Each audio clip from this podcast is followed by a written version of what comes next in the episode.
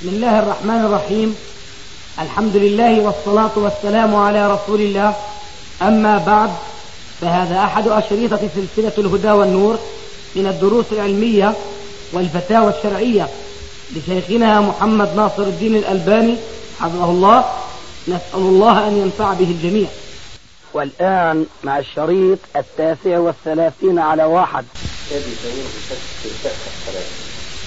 في فيعني الشك هنا له محل إن كنت تعني العامة فالعامة كما يقول العلماء لا مذهب له ومذهبه مذهب مفتيه وإن. وإن كنت تعني العلماء وطلاب العلم الذين يمشون على قوله تعالى قل هذه سبيلي أدعو إلى الله على بصيرة أنا ومن اتبعني فعلى هذا العالم وذاك الطالب أن يتحرى الصواب مما اختلف فيه الناس. فأينما انتهى به بحثه وقف عنده وطرح الشك وأخذ باليقين. وفتح باب الشك هذا لا نهاية له. وهو كما تعلمون من وساوس الشيطان. فمن لم يكن عنده رأي فعليه أن يأخذ بالاحتياط لكن الاحتياط في كثير من المسائل يوقع في الإشكال. لأن الذي يقول مثلا اقرأ وهو معارض يقول لا تقرأ. ولذلك فلا بد من أن يتحرى الصواب وأن يجتهد بقدر ما يستطيع والإجتهاد يختلف من العالم إلى طالب العلم إلى العامي كل بحسبه ولا يكلف الله نفسا إلا وسعها. فالشك يعني ليس له ليس له قيمة شرعا وله من الأدلة الشرعية حتى يعتد به ويلتفت إليه. ولكن إذا كان طالب العلم يعني لم يحصل الأصول التي من خلالها يستطيع أن يرجح قولا على قول أو يطمئن قلبه إلى قول. طيب. هذا يعني موقفه يعني غير واضح. يعني لم يدرس هذه يعني حجج هؤلاء قوية وحجج هؤلاء قوية وهو لم يحصل بعد الأدوات التي يستطيع أن يرجح بها هذا موقفه يعني يكون. يقلد. هذا موقف هذا حكم المقلد. يقلد ولا بد. ونحن نقول الفرق بين دعوتنا وبين ما عليه الجماهير إخواننا المسلمين أن الجماهير جعلوا التقليد دينا ونحن نجعله ضرورة وشتان بين الأمرين. اتخذوه دينا فنسوا قال الله قال رسول الله. بل وكثيرا ما يحاربون من يقول قال الله قال رسول الله لأن هذا الاتجاه أصبح نسيا منسيا بسبب التدين بالتقليد. أما إنسان كما صورت آنفا ضاع بين قيل وقال هذا له قول وله أدلة وهذا له قول وله أدلة وربما يكون في قول ثالث ورابع. فضاع بينها فهذا لابد له من التقليد. ويشترط في التقليد أن يبتعد عن أولا اتباع الهوى الذي يعبرون عنه بتتبع الرخص. وثانيا أن يقلد من يغلب على ظنه أنه أعلم وأتقى وأصلح ونحو ذلك من الصفات التي ترجح عالما على آخر. فالتقليد إذا ضرورة ولا يجوز أن يجعل دينا. وهذا تماما يبدو لي أنه كالقياس الذي هو دليل من الأدلة الأربعة الشرعية التي هي الكتاب والسنة والإجماع والقياس. لكن القياس كما قال الإمام الشافعي رحمه الله القياس للضرورة. وهذا أيضا معروف عند الفقهاء حين يقولون إذا ورد الأثر بطل النظر وإذا جاء نهر الله بطل نهر معقل. ويقولون أيضا لا اجتهاد في مورد النص. لكن هناك فرق مع اتفاقهم على هذا أنه لا اجتهاد في مورد النص. هناك فرق في استعمال القياس. فمن متوسع يقابله منكر منكر القياس من أصله وهم الظاهرية ويتوسط بين أولئك المتوسعين وهؤلاء المنكرين. عليكم السلام ورحمة الله وبركاته. أهلا أبعد يتوسط بين هؤلاء وهؤلاء أهل الحديث ومنهم الإمام الشافعي رحمه الله فيقول لا قياس إلا عند الضرورة. فكذلك لا تقليد إلا عند الضرورة. حينما لا تجد النص من كتاب الله ومن حديث رسول الله وهذا الخطاب للعالم فضلا عن طالب العلم فضلا عن من دونه. حينما لا يجد النص في الكتاب أو في السنة فلا بد له من أن يقلد من هو أعلم منه. ولذلك نقرأ في سيرة الصحابة رضي الله عنهم أن بعضهم كان يتبع بعضا ويثق به ولا يجادل ولا يناقش خلافا لما يتوهم بعض الغلاة في اتباع الكتاب والسنة حيث يقولون بالاجتهاد في كل كبير وصغير. هذا خطأ لأنه لا بد لكل إنسان مهما علا وسمى علما أن يفوته شيء من العلم. مصداق قوله تعالى وما أوتيت من العلم إلا قليلا. ففي هذه الحالة لابد أن يقلد العالم الذي يثق بعلمه. فمسألتنا هذه من هذا القبيل. من لم تتبين له الوجهة الصحيحة من الآراء المختلفة فيقلد العالم الذي يثق بعلمه سواء كان القول بالركنية في مسألتنا هذه. أو بتحريم القراءة وراء الإمام أو بالتوسط بين هذا وهذا فيأخذ بما بقول من يطمئن إلى علمه وفضله وسابقته في ذلك.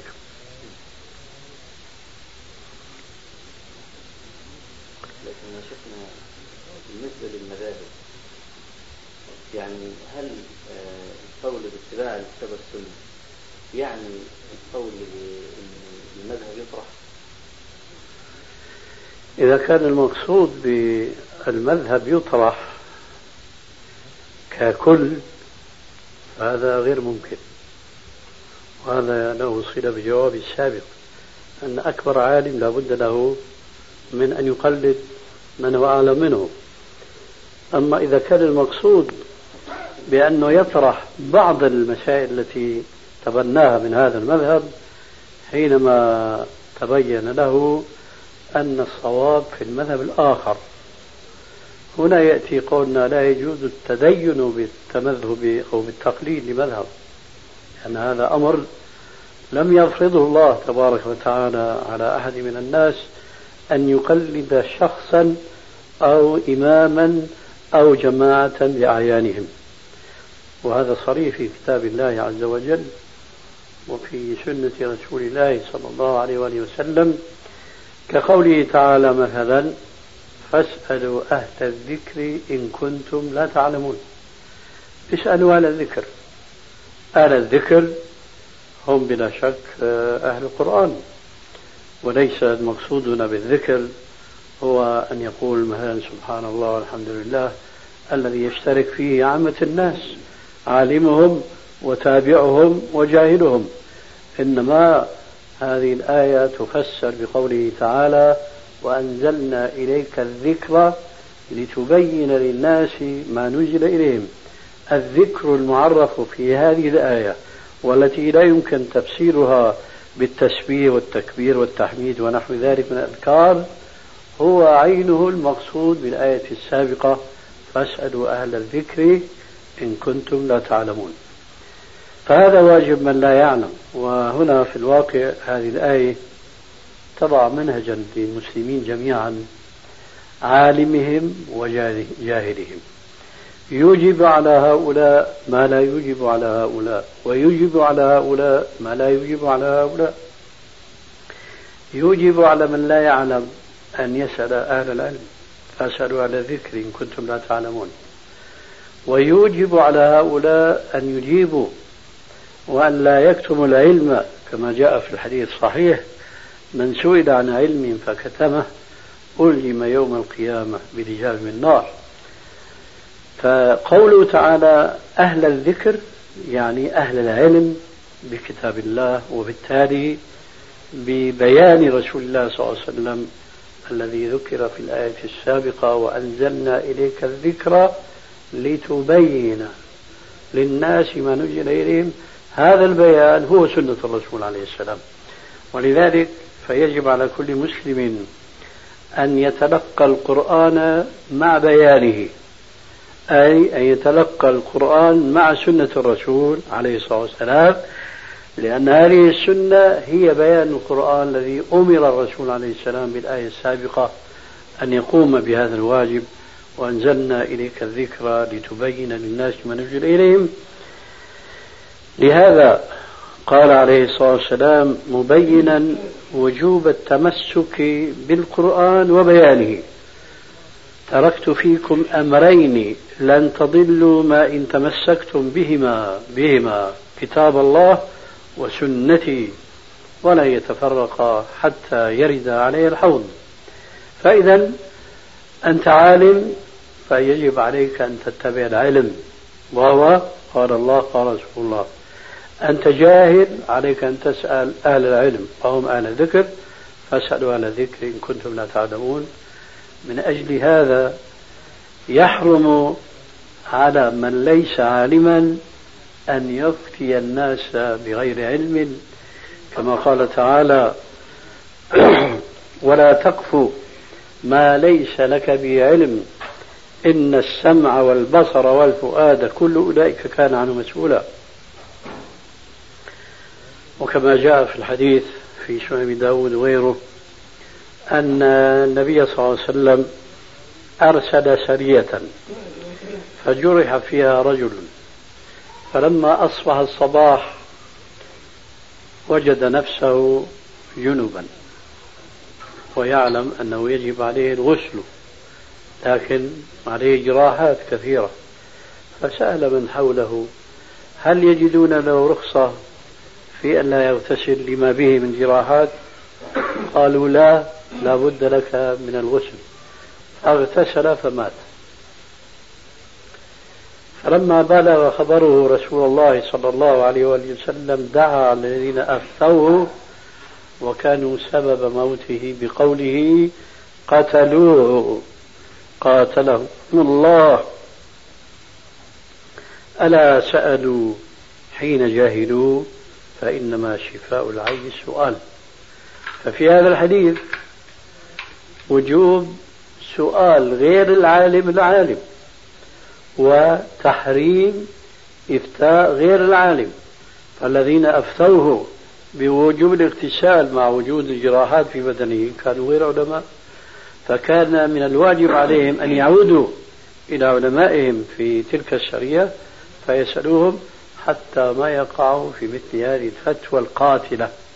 قتلوه قاتلهم الله ألا سألوا حين جاهلوا فإنما شفاء العي السؤال إذا نحن نفرق بين أن يتدين المسلم باتباع مذهب من ألفه إلى يائه لا يخرج عنه قيد شعرة وكأنما هو كتاب الله وحديث رسول الله صلى الله عليه وسلم الذي يجب الاستسلام له بالكلية. ليس الأمر كذلك؟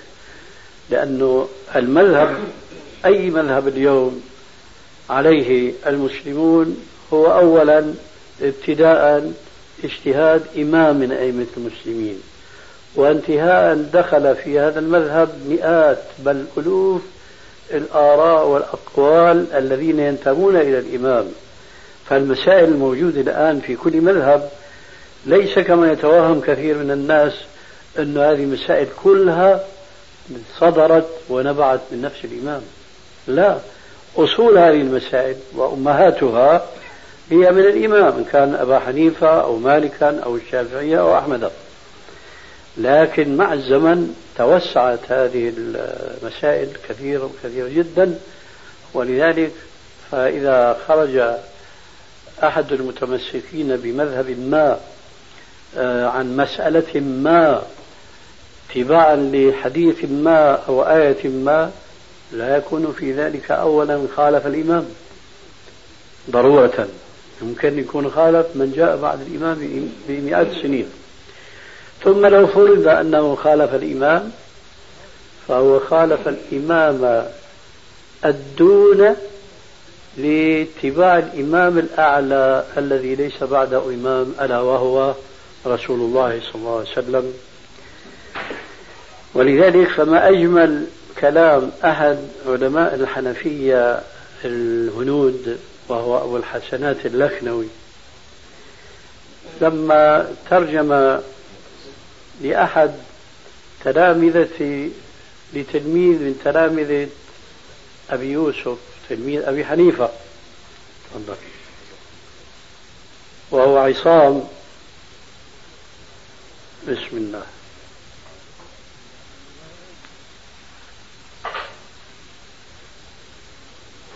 عصام البلخي. هو حنفي. تلميذ أبي يوسف الذي هو تلميذ الإمام أبي حنيفة. يقول كان يرفع يديه في الصلاة. عصام البلخي تلميذ أبو يوسف الذي هو تلميذ أبي حنيفة كان يرفع يديه في الصلاة يعني عند الركوع رفع منه. وهذا مكروه تحريما عند الحنفية. فيعلق مؤلف الكتاب أبو الحسنات اللكنوي فيقول ونعم ما يقول.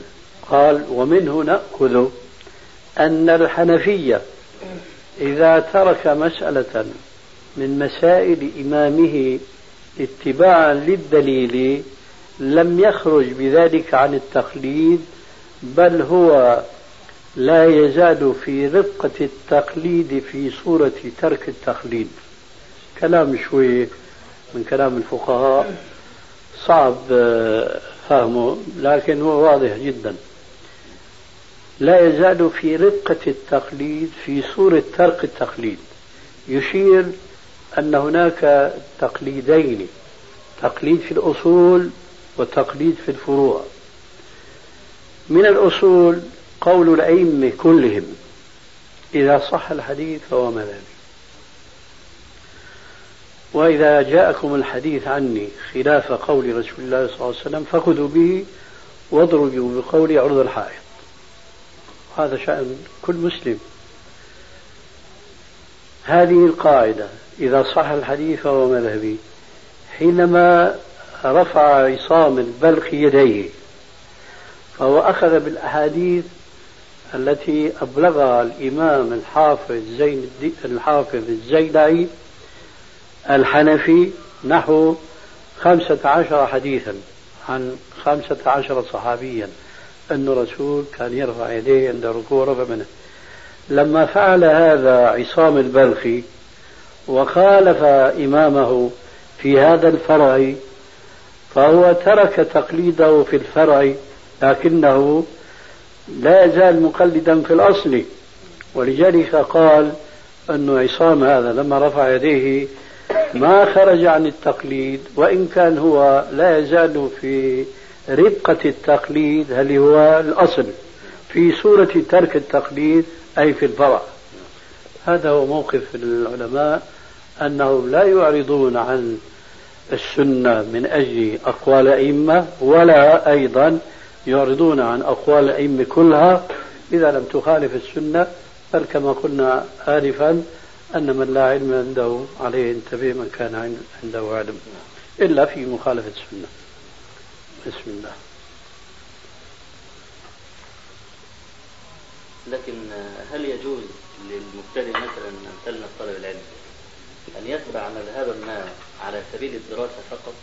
على أساس أنه لو اجتهد من أولها يعني ولم يتبع سبيلا معينا في الدراسة منظما يعني ممكن لا يكاد يصل كما لو تبع مذهبا على سبيل الدراسة شريطة ألا يقلد يعني ومتبين له في الدين إذا قلد أو درس مذهبا ووضع نصب عينيه الكلمة الجميلة التي نقلتها آنفا عن من حسنات اللخنوي بمعنى كلما تبينت له مسألة من ذاك المذهب الذي يدرسه أنها هذه مسألة على خلاف السنة تركها ولو كان دارسا لها كمذهب اتباعا لسنة الرسول صلى الله عليه وسلم فهذا ما في عندي مانع.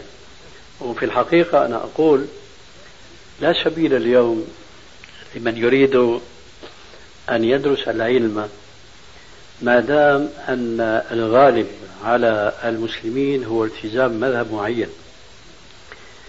لو أنه رجع إلينا العهد الأول الصحابي والتابعين وأتباعهم حيث لم يكن هناك إمام يتبع دون غيره. مثلا كلنا يعلم قول الرسول صلى الله عليه وآله وسلم خير الناس قرني الصحابي ثم الذين يلونهم التابعين. ثم الذين يلونهم أتباع التابعين. فنحن نعلم أنه لم يكن في الصحابة من هو بكري ولا من هو عمري ولا من هو عثماني ولا هو من هو علوي. وإنما كانوا يسألون أهل العلم منهم. لا يوجد واحد والله أنا ما بسأل ولا أستفيد ولا أقلد ولا أتبع إلا أبا بكر أو إلا عمر لم يكن شيء من ذلك. وهكذا يقال عن التابعين. فلو كان جونا اليوم جوا سلفيا محضا لا نقول بدراسة مذهب معين. لأن هذه الدراسة إنما هي كما تدرس القوانين الأرضية من حيث أنه لا يجب على المسلم إلا أن يدرس كتاب الله وسنة رسول الله صلى الله عليه وسلم. لكن بسبب هذا الزمن المديد الطويل لم يكن لم يعد بإمكان طالب العلم أن يفهم كتاب الله وسنة رسول الله صلى الله عليه وسلم إلا من طريق المذاهب. لكن هنا في مزلقة هذه الدراسة مع أنها هي السبيل كما قلنا لفهم الكتاب والسنة فهي وسيلة وليست غاية ففي كثير من الأحيان كما نرى تنقلب إلى غاية وتنسى الغاية الحقيقية وهي الكتاب والسنة. فإذا كان الدارس كما قلت لمذهب ما هو لا يدرسه ليجعله هدفه الأعمى الأسمى والأعلى وإنما كوسيلة للتعرف على هذا الفقه ثم لتمييز ما وافق السنة مما خالف.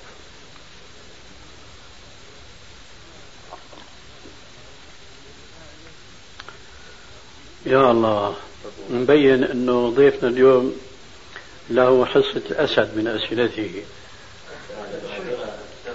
شو شو أبو منير؟ بعض المشايخ التي بيسألوا بردوا علينا يقول لك إنه الأئمة هم من القرون الأولى؟ وخلص وجب علينا اتباعهم بدليل. الإمام حنيفة موجود معليش نحن ما في التاريخ. أبو حنيفة يعني تابعي على قول بعضهم ويقينا من أتباع التابعين فهو من السلف الصالح لكن ما الدليل أنه يجب اتباعه بعينه؟ ولماذا لا يكون اتباع أبو بكر مثلا وعمر كما قلنا آنفا؟ ولا أبو حنيفة له مؤلفات. ولا أبو حنيفة له مؤلفات. حقيقة. لكن شو له؟ له أتباع. ترى أبو بكر ليس له أتباع. ثم إذا افترضنا ما له أتباع والله هذه مصيبة الدار. أفضل إنسان بعد رسول الله ليس له أتباع. ثم من يأتي بعده على رأسنا وعيننا عالم صالح تقي ورع إلى آخره. لكن لماذا كالأفضل لا يكون له أتباع؟ وهذا مفضول بالنسبة لي يكون له أتباع. معناه أنه قلبنا نحن الحقيقة. المهم أن المسألة فيها حقيقة صعوبة بالغة جدا. من الناحية الدينية ومن الناحية العلمية. ربنا يقول اتبعوا أحسن ما أنزل إليكم من ربكم. أحسن ما أنزل إليكم من ربكم. فقول من يقول كذا أي شيء كان. هذا أولا ليس مما أنزل علينا فضلا عن أن يكون أحسن ما أنزل إلينا. واضح هذا؟ ثم لو أن الأئمة كانوا متفقين على رأي واحد في كل مسألة وجاء إنسان آه، في هيك عبارة مدون في ذهني في الدول العربية إيه نعم قميء قميء يعني لا قيمة له. بده يأتي إلينا بفهم يخالف هؤلاء الأئمة. هذا نرفضه. لكن إذا تبعنا واحدا منهم مع وجود آخر يخالفه في رأيه فمن الذي نتبعه حين ذاك؟ مع صريح كتاب الله عز وجل الذي نزل لحل مشاكل الناس لحل خلافات بينهم فهو يقول فإن تنازعتم في شيء فردوه إلى الله والرسول إن كنتم تؤمنون بالله واليوم الآخر ذلك خير وأحسن تأويلا. الآن نأخذ مسألة كثيرة الوقوع وكثيرا ما نسأل عنها. ربما يكون في الحاضرين من يخطر في باله إن ما خطر له الآن يخطر في باله في غير هذا الزمان لأنه مسألة كما يقول الفقهاء تكثر بها البلوى. هو مثلا عم يأخذ حاجة من زوجته من امرأة غريبة عنه وإذ إيش؟ مس يدها ومتوضي انتقد وضوء ولا لا؟ لمن نتبع الآن؟ أبو حنيفة بيقول ما انتقض آه الشافعي بيقول انتقض مطلقا. مالك بيقول إن كان اللمس بشهوة انتقض وإلا فلا. هات لشوف هدول الجماعة اللي بيقولوا لازم نتبع الأئمة. هل أنت تستطيع أن تتبع الأئمة ثلاثة هدول في هذه الأقوال المتناقضة؟ لا يمكن. إذا ما الأعمال؟ كل واحد الآن راح يقول إمامي. الحنفي راح يقول إمامي الله يرضى عنه. المالكي راح يقول إمامي الله يرضى عنه. وراح يقول الشافعي إمامي الله يرضى عنه ونحن نقول رضي الله عن الجميع لكن لا يمكننا أن نتبع الجميع. فإذا الدعاة إلى التمسك بالمذهب لا أحد يستطيع أن يقول بالتمسك على إطلاقه. وأنا أتحدى أي إنسان إن كان عالما كبيرا كبيرا جدا يتمذهب بمذهب من هذه المذاهب. أو طويلبا أتحداهم جميعا أن يوجد فيهم رجل حنفي قح. حنفي يعني بالمية مية مالكي بالمية مية شافي بالمية مية حنبلي. مستحيل مستحيل هذا لا وجود له في الدنيا أبدا. إذا نفترض الآن حنفي خالف مذهبه في المية واحد. طيب. شو الفرق بينه وبين اللي خالف الحنفي في المية اثنين؟ ما في فرق. لأنه علة الحظ على التمسك بما عليه الشرع لم يحض هو أنه هذا إمام أفقه منا وأعلم منا. هذه دعوة صحيحة. لكن ما لك أنت خالفته في هذه المسألة؟ هل يعني مخالفتك له في هذه المسألة أنك أنت صرت أعلم منه؟ لا أحد يقول بهذا أبدا. وحينئذ نفس الجواب بالنسبة لي خالف الإمام مسألتين أو ثلاثة أو خمسة. هم يتوهمون وهما لو خضعوا للبحث العلمي المحض لتبين لهم أنهم واهمون. يتوهمون أن من يدعو الناس إلى اتباع الكتاب والسنة وعلى الطريقة العادلة المنصفة اللي قلناها آنفا أن هذا فيه حط من قيمة الأئمة. ما في حط من قيمة الأئمة. ليه؟ نحن نقول أنهم أعلم وأفقه وأقرب طبقة وهذا أمر ظاهر جلي لكن العصمة للرسول عليه السلام فقط دون سائر الناس جميعا. فنحن حبنا للأئمة. ما لازم يحملنا على أن نقلل من قيمة اتباعنا للرسول عليه السلام في سبيل حبنا للأئمة وإلا راح يصيبنا ما أصاب الشيعة ولو رشاش في المية واحد يعني. الشيعة ماذا فعلوا؟ نسوا الرسول عليه السلام علي عليه السلام الحسن والحسين عليهما السلام. أما الرسول عليه السلام فقل ما يذكر وإن ذكر فمن طريق أهل البيت فقط. أما الألوف المؤلفة من الصحابة وعلى رأسهم أبو بكر وعمر فلا قيمة لهم. نحن تجاوزنا الشيعة حينما لا نقول قال رسول الله وإنما المذهب هيك. المذهب هيك. سبحان الله. لماذا هذا الجمود؟ احتراما للأئمة. ترى هل احترمنا الرسول عليه الصلاة والسلام حينما أعرضنا عن العمل بسنته؟ المشكلة المشكلة عميقة ووسيعة جدا. اليوم خذ أي عالم من هؤلاء الذين يحترمون المذاهب أو يحترمون الأئمة احتراما لفظيا وليس احتراما حقيقيا.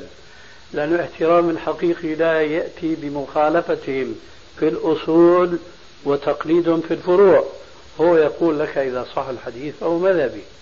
فأنت بتخالفه في عشرات الأحاديث ما تأخذ بها لأن الإمام قال بخلافها. هو لما قال بخلافها له عذره له عذره بلا شك وهو مأجور على كل حال. لكن أنت شو عذرك؟ عذره أنه حنفي وذاك عذره كما قلنا مالكي وهكذا أين في كتاب الله أن هذا عذر يبرر له ألا يسلم لرسوله تسليما؟ فلا وربك لا يؤمنون حتى يحكموك فيما شجر بينهم ثم لا يجدوا في أنفسهم حرجا مما قضيت ويسلموا تسليما. لهذا نعتقد جازمين ومستعدين أن نتفاهم مع أي شخص يريد الوصول للحق وبالحكمة والموعظة حسنة. وصل الأمر إلى أنه لم يبقى أي صلة بين المقلدين وبين سيد الأنبياء والمرسلين. والدليل إذا قلت له صف لنا صفة صلاة الرسول ما صلاة اللي بيصليها خمس مرات ما يستطيع أن يصفها لك لأنه يستطيع أن يصف لك صلاة إمامه. وهناك ستجد بونا شاسعا بين هذا الذي يصلي على مذهب إمام وبين هذا الذي يصلي على مذهب إمام آخر. طيب ومذهب الرسول عليه السلام أين هو؟ أصبح في خبر كان أنا يؤسفني أن أذكر قصة وإن كنت أعتقد أنها غير واقعية لكن حسبنا لنعرف ما فعل التمذهب أن يوجد هذا الكتاب وفيه القصة الآتية مطبوعا ومنشورا بين المسلمين. القصة التي فيها أنا لا أؤمن بصحتها لكنها ذكرت على أنها صحيحة واقعة وأنها سبب كانت سببا قويا لتبني أحد ولاة مصر الشيعة مذهب الحنفي على المذهب الشافعي. لها الحكاية؟ ما هي؟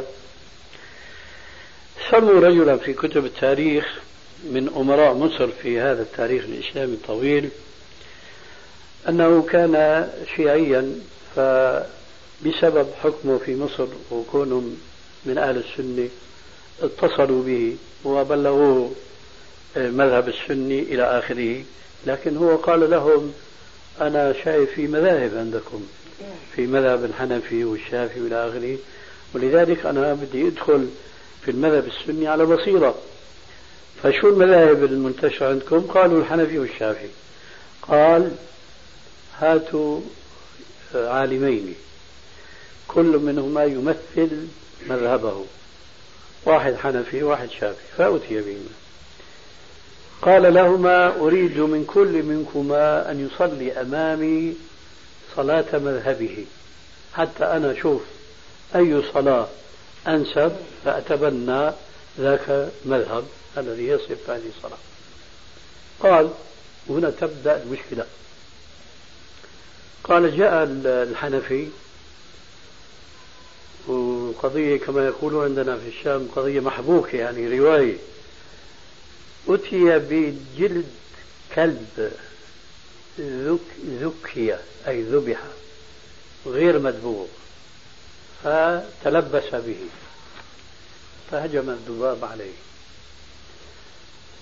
الجلد الكلب المذبوح المذكى في المذهب الحنفي تذكية تطهره عند الأئمة الآخرين لابد من من دبغه وهذا ليس عندهم جميعا أيضا. المهم وضع الجلد وهجم الدبان هذاك لبس أحسن الثياب شوف بقى كيف قضية مبينة أنه تركيبة. الحنفي دخل في الصلاة بدل ما يقول الله أكبر قال مثلا بالتركي تنري بيوك بالألباني زوتي شو هذاك الشافي قال الله أكبر. مين ما بيفضل هالصلاة من أولها؟ على هديث وكملت الحكاية عشان يعني تبين أن مركبة تركيبة الحنفي جلس في الصلاة للتشهد وبدل ما يقرأ التشهد أو أي شيء وبدل ما يقول السلام عليكم ولم آخذ فلتها المذهب الشافعي بيقول الخروج من الصلاة بالسلام ركن من أركان الصلاة لقول عليه السلام تحليلها التكبير وتحريمها التكبير وتحليلها التسليم. هذاك سلم هذاك مع الأسف ضرب. ليش؟ قال لأنه الحنفية بيقولوا الواجب هو الخروج بصنعه. هذا الصنع كان سب كان تسبيح كان أي شيء خرج بصنعه. وهي جابوا لك هذا المثال. أنه حيوان بقى في الدنيا ما بفضل صلاة ذاك الشافعي على هذا على هذه الصلاة الحنفية. إيه، لكن هون بتشوف بقى التحامل على الحنفية. ليش؟ لأن الأحناف وإن كان قالوا مع الأسف هذه الأشياء لكن هذا الإمام اللي عم يصلي صلاة المذهب الحنفي عم يأخذ أدون صلاة عندهم ما عم يأخذ أكملها. هذاك بالعكس لبس ثياب نظيفة وتأنى وأطمأن إلى آخره. أنا ما بدخل في عقلي أنه ممكن القصة هي تقع بهذه الصورة.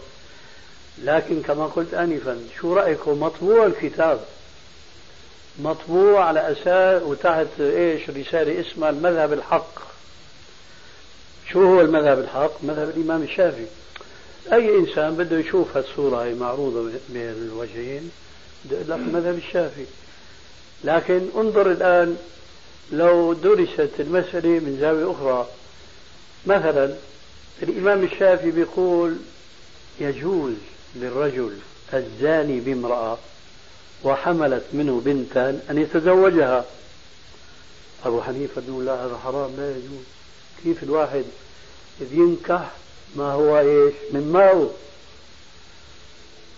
فلو قيل لذاك الرجل هذا الشافعي هيك بيقول.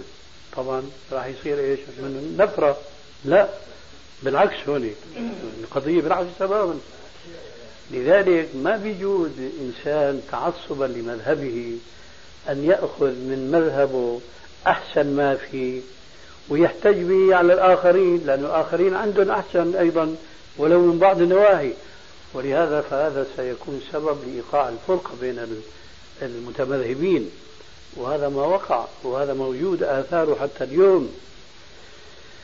من الآثار مثلا وجود في بعض البلاد الإسلامية الكبرى في المسجد الواحد محاريب عديدة محاريب عديدة من اثنين إلى أربعة على حسب بقى شهرة المذاهب هناك.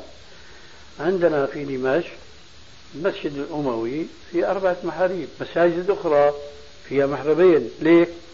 لأنه فيها أحناف فيها شوافة ما في مالكية ما في حنابلة.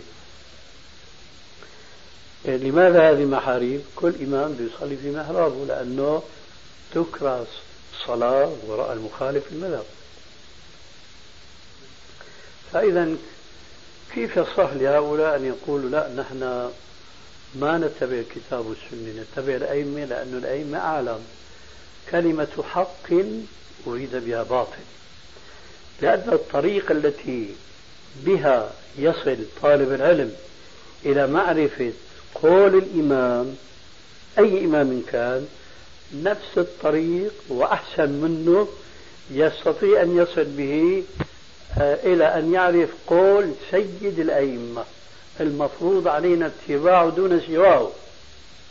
الطريقة اللي يطلب بها المعرفة لمذهب من المذاهب هو نفس الطريق وأحسن منه يمكن سلوكه لمعرفة ما كان عليه الرسول عليه السلام الذي قال وقد رأى يوما في صحيح في يد عمر بن الخطاب صحيفة سأله عنها قال هذه من التوراة.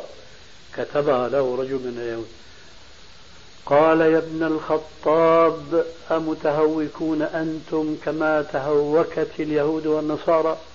والذي نفس محمد بيده لو كان موسى حيا ما وسعه إلا اتباعه.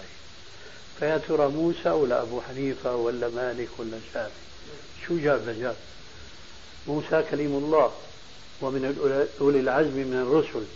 لو كان حيا لما وسعه اتباعه إلا اتباعي في ظني أن التعصب سيفرض على هؤلاء ضد هذا الحديث. أن يقولوا ضد هذا الحديث. وإلا تركوا التمذهب واتبعوا السنة. شو هو؟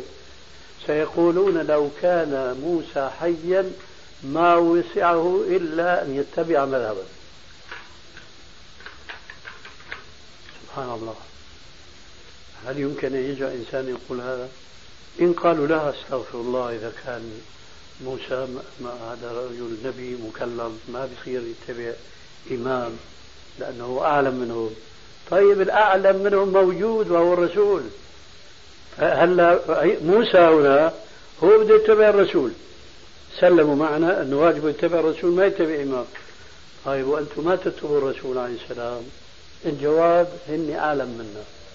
يعود جوابنا هن أعلم منا فيما اتفقوا وأجمعوا. أما إذا اختلفوا فقد عرفنا حكم الله. فإن تنازعتم في شيء فردوه إلى الله والرسول. باختصار أننا بسبب اتباعنا للتدين بالمذاهب انقطعنا عن معرفة هدي الرسول عليه السلام في سنته وفي عبادته.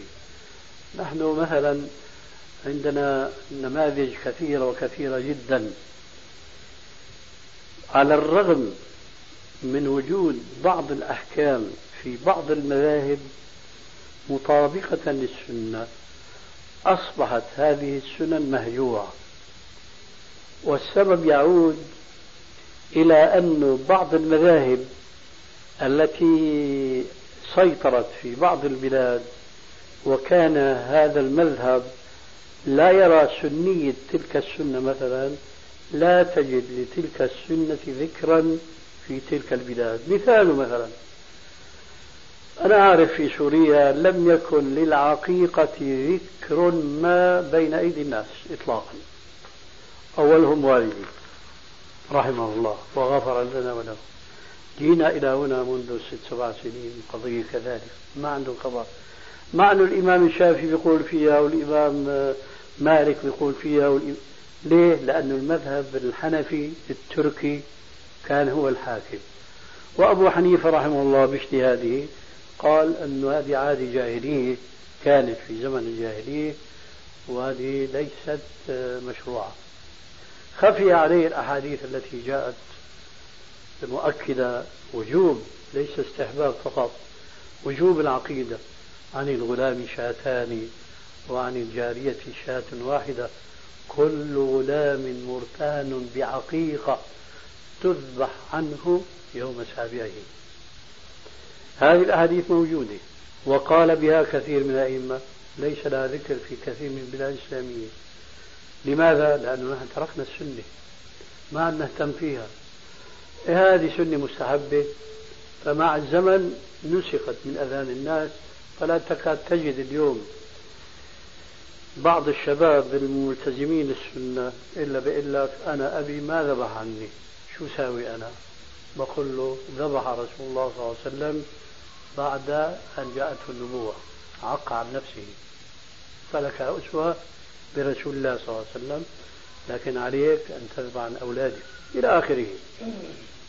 هذا مثال بسيط من الأمثلة التي هي من آثار عدم اهتمامنا بالسنة أو بعبارة أوضح قطع العلاقات بيننا وبين الرسول لأنه ما عاد يهمنا دراسة السنة بقدر ما يهمنا دراسة مذهب من المذاهب المتبعة وعلى كل حال نسأل الله عز وجل أن يلهمنا رشدنا وأن يوفقنا لاتباع سنة نبينا صلى الله عليه وسلم مع الاستفادة من علمائنا سلفا وخلفا.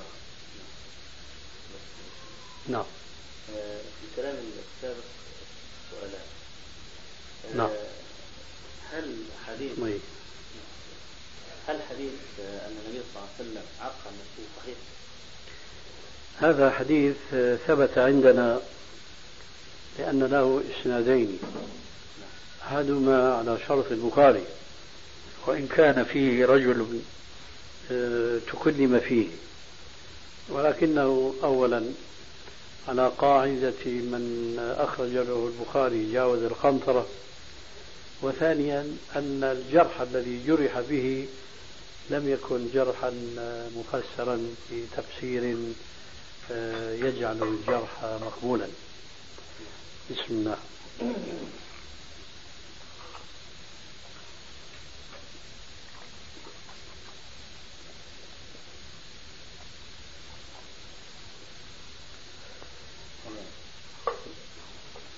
يعني لا تذكر هذا الرجل لا تذكر اسمه الآن.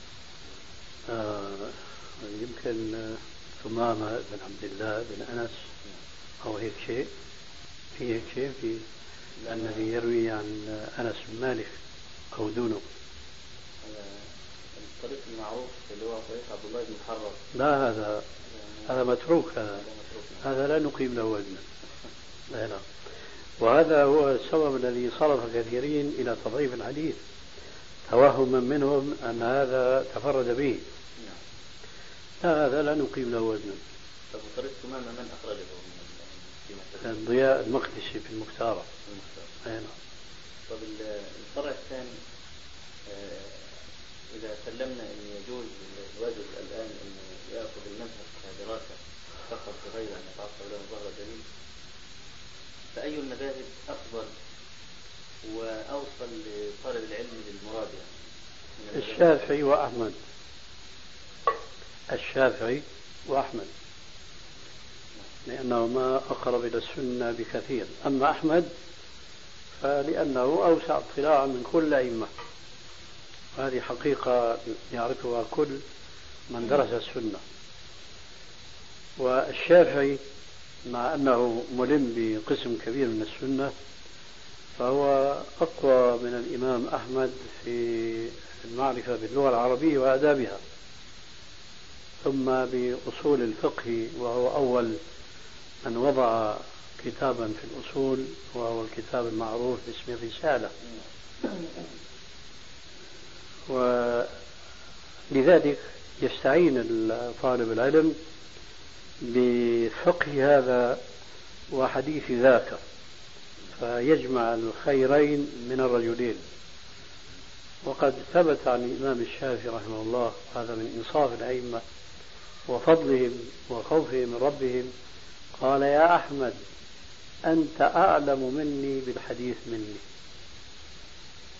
فإذا جاءك الحديث الصحيح فعلمني به سواء كان حجازيا أو شاميا أو مصريا لعله ذكر بلادا أخرى. وفي هذا نكتة أو إشارة ناعمة من الإمام الشافعي إلى عدم آه، تقليده لإمامه مالك إمام دار الهجرة. مالك كان يقدم الأحاديث الحجازية على كل أحاديث البلاد الأخرى وله وجهة نظر في ذلك على اعتبار أنه كان مقر نخبة الصحابة حيث كان هناك الرسول عليه السلام المدينة واستقر فيها كبار الصحابة ومات من مات منهم فيها كأبو بكر وعمر وعثمان رضي الله عنهم. لكن معلوم تاريخيا أن كثيرا من الصحابة رحلوا إلى بلاد أخرى ونقلوا معهم ما كان في صدورهم من علم تلقوه من نبيهم صلى الله عليه وآله وسلم. فلا ينبغي هدر هذا العلم الذي كان في صدورهم. لذلك قال الشافعي أنت أعلم مني بالحديث. لماذا؟ لأن الشافعي أقام في مكة ثم رحل إلى مصر فاستفاد في مصر علما جديدا لم يكن عليه من قبل ولذلك صار له مذهبان قديم وحديث. ولمجرد أنه انتقل من إقليم إلى آخر اتسعت دائرة معلوماته وصار عنده مذهبين. فماذا يقول الإنسان بالنسبة للإمام أحمد الذي طاف البلاد شرقا وغربا وشمالا وجنوبا؟ في سبيل جمع العلم من العلماء الذين رووا بالأسانيد عن الصحابة الذين كانوا تفرقوا في مختلف البلاد بسبب الفتوحات الإسلامية. يا أحمد إذا جاءك الحديث صحيحا فأخبرني به فأنت أعلم به مني سواء كان حجازيا أم شاميا أم مصريا. لكن من حيث الاستنباط والفهم للنصوص والآيات الإمام الشافعي بشهادة كل من درس حياته هو أعلم من الإمام أحمد. لذلك ما يدرس الذي يريد أن يدرس مذهبا للقصد الذي سبق السؤال والجواب عنه فيختار مذهب الإمام الشافعي ومذهب الإمام أحمد. زد إلى ذلك شيئا آخر أن الإمام الشافعي من حيث أتباعه له مزية لا توجد في أتباع الآخرين. أتباعه أكثر وأحرص على اتباع قاعدة الأئمة كلها كلهم وهي إذا صح الحديث فهو مذهبي.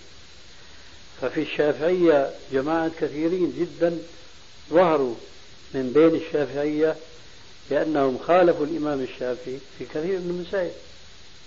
بينما لا تكاد ترى شخصا من العلماء الذين جاءوا من بعد من الأحناف أو الموالك. خالفوا أئمتهم اتباعا منهم لنصهم الذي هو أصل إذا صح الحديث فهو مذهبي. الذي يدرس المذهب الشافعي يستفيد من هذه الدراسات الجديدة التي وقعت من أتباع الإمام الشافعي وهم واضعون نصب أعينهم قوله إذا صح الحديث فهو مذهبي. ومزية أخرى وجد في الشافعية من أئمة الحديث أكثر بكثير من أئمة حديث في المذهب الحنفي. الذين آه، يشار إليهم البنان من الأحناف الذين عندهم علم الحديث قليلون جدا بينما في الشافعية كثر. وتجد في الشافعية كتب تخريج أحاديث المذهب الشافعي. كتب بينما لا تجد في المذهب الحنفي إلا كتابا واحدا وهو نصف الراء لأحاديث الهداية. نعم. الكتب هل في في الحديث؟ طبعا في كتب كثيرة. التلخيص سبقه ابن الملقن وعندك تخريج الحافظ العراقي مثلا لإحياء علوم الدين الغزالي وزركشي في كتب كثيرة في التخريج لهم. كنت أشرت لبعضها في مقدمة ضعيف الأحاديث الضعيفة. الحقيقة هذه مزايا يعني ترفع من شأن المذهب الشافعي وتجعله في مقدمة لمن يريد أن يدرس مذهبا من المذاهب الأربعة. المذهب الحنفي له مزية تعجب ناسا آخرين وهو أنه يستعمل الرأي كثيرا. وهذه الناحية تعجب العصريين اليوم الذين يريدون أنه يجعل الدين يعني يتجاوب مع الرغبات والطلبات التي تختلف باختلاف الزمان والمكان. فيعجبون بهذا المذهب. أكثر من إعجابهم بالمذاهب الأخرى وبخاصة مذهب الإمام أحمد الذي يؤثر السنة على أي شيء آخر. تفضل.